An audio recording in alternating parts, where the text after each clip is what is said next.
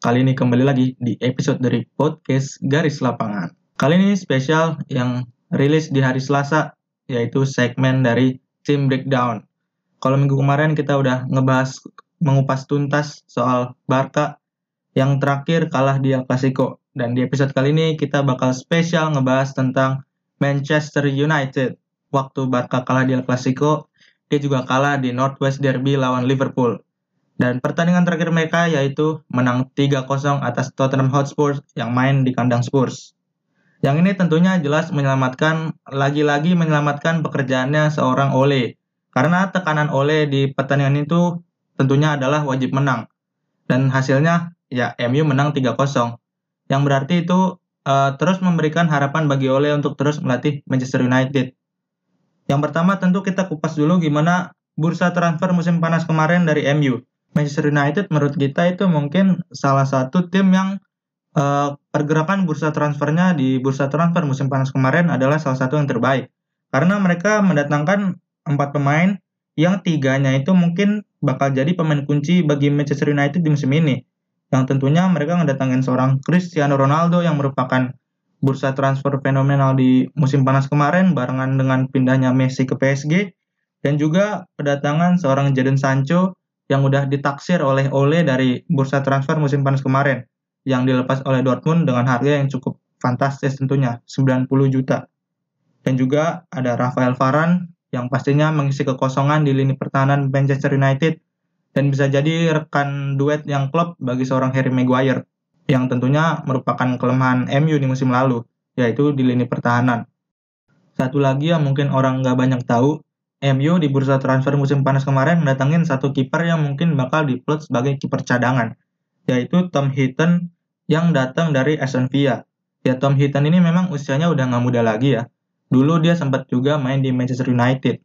Ya emang jelas di posisi kiper saat ini MU udah punya dua kiper yang cukup berkualitas, yaitu ada David De Gea dan juga ada Dion Henderson yang musim kemarin main ganti-gantian baik di Premier League ataupun di Liga Champions melihat skuad MU musim ini sebenarnya cukup meyakinkan ya.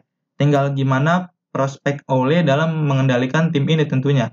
Karena dalam sebuah tim sepak bola tentunya bukan hanya sekedar strategi ataupun taktik ya. Karena dalam sebuah tim pasti juga perlu keharmonisan dalam ruang ganti misalnya atau misalnya chemistry dalam permainan itu sendiri. Kalau misalnya dilihat kan musim ini MU cukup banyak pemain bintang. Misalnya ada Ronaldo, ada juga Pogba, ada juga Rashford, dan juga ada Jadon Sancho yang kalau dilihat dari harga transfernya untuk seorang pemain yang baru berusia 20-21 tahun tentu sangat tinggi sekali harga itu.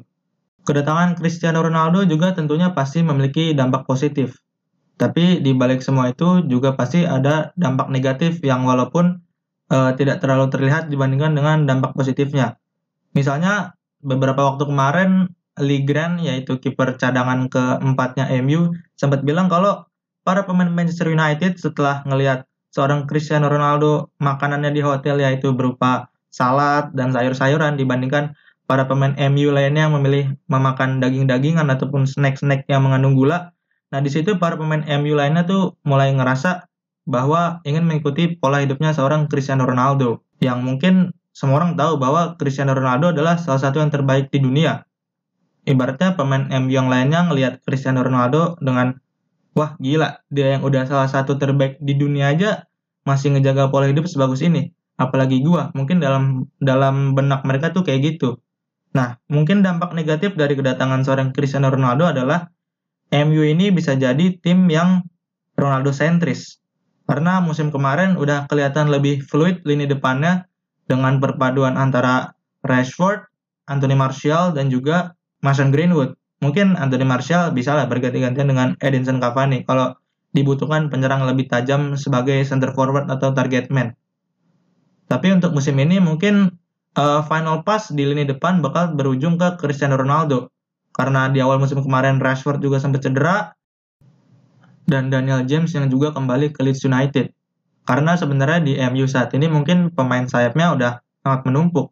Di sana misalnya ada Rashford, ada juga Sancho, ada Greenwood, ada Lingard juga yang bisa main di sayap. dan juga Anthony Martial yang beberapa pertandingan terakhir cukup maksimal menjalankan perannya di sektor sayap penyerangan. Kalau ngelihat target MU di musim ini mungkin adalah juara Premier League ya. Karena selama empat tahun terakhir bersama Ole, sebenarnya udah cukup kelihatan gimana uh, progres mereka yang udah mulai bertengger di papan atas. Misalnya di musim lalu mereka uh, ada di peringkat dua di bawah Manchester City dan juga masuk ke final Europa League walaupun uh, dua-duanya gagal menghasilkan trofi karena di Europa League mereka juga kalah lawan Sevilla lewat babak adu penalti. Salah satu kendala Ole mungkin adalah masalah mental karena dibandingkan pelatih-pelatih top lainnya di Premier League misalnya Manchester City punya Pep Guardiola, Liverpool punya Jurgen Klopp dan juga Chelsea punya Thomas Tuchel yang udah juara Liga Champions. Banyak orang yang memprediksi bahwa MU musim ini masih gagal mendapatkan trofi. Tapi seharusnya musim ini menjadi musim final bagi Ole kalau misalnya dia gagal mendapatkan trofi bagi Manchester United. Karena sudah banyak tuntutan di luar sana yang menginginkan bahwa MU harus memiliki manajer yang lebih baik dibandingkan Ole. Karena di awal musim ini sendiri, MU sudah cukup terseok-seok baik di Premier League ataupun di Liga Champions. Di awal musim kemarin mereka sempat mengalami beberapa pertandingan beruntun yang tidak menghasilkan kemenangan, baik itu seri ataupun kalah. Dan juga tentu dosa besar bagi Ole adalah kalah melawan Liverpool di kandang sendiri dengan skor telak 5-0. Kira-kira buat kalian para fans dari Manchester United, mayoritas dari kalian gimana nih? Pengennya apakah Ole stay buat terus ngebangun tim ini menjadi lebih baik atau pengen MU memiliki manajer yang lebih berkualitas ataupun berpengalaman daripada seorang Ole. Jadi kalian tim Ole out atau Ole stay. Oke, segini aja. Tim breakdown soal Manchester United kita bahas tuntas dari gimana bursa transfer mereka di musim ini, gimana kedalaman squad mereka di musim ini, dan gimana peluang mereka di musim ini apakah bisa memenuhi target bersama pelatih Ole Gunnar Solskjaer. Terima kasih udah mendengarkan episode kali ini. Dengerin terus podcast Garis Lapangan dan juga khususnya segmen Team Breakdown yang tayang setiap hari Selasa dan episode reguler setiap hari Jumat. Di follow juga sosial media kita baik di Instagram ataupun Twitter at garis lapangan ID. Sampai jumpa di episode berikutnya. Ciao, bye-bye.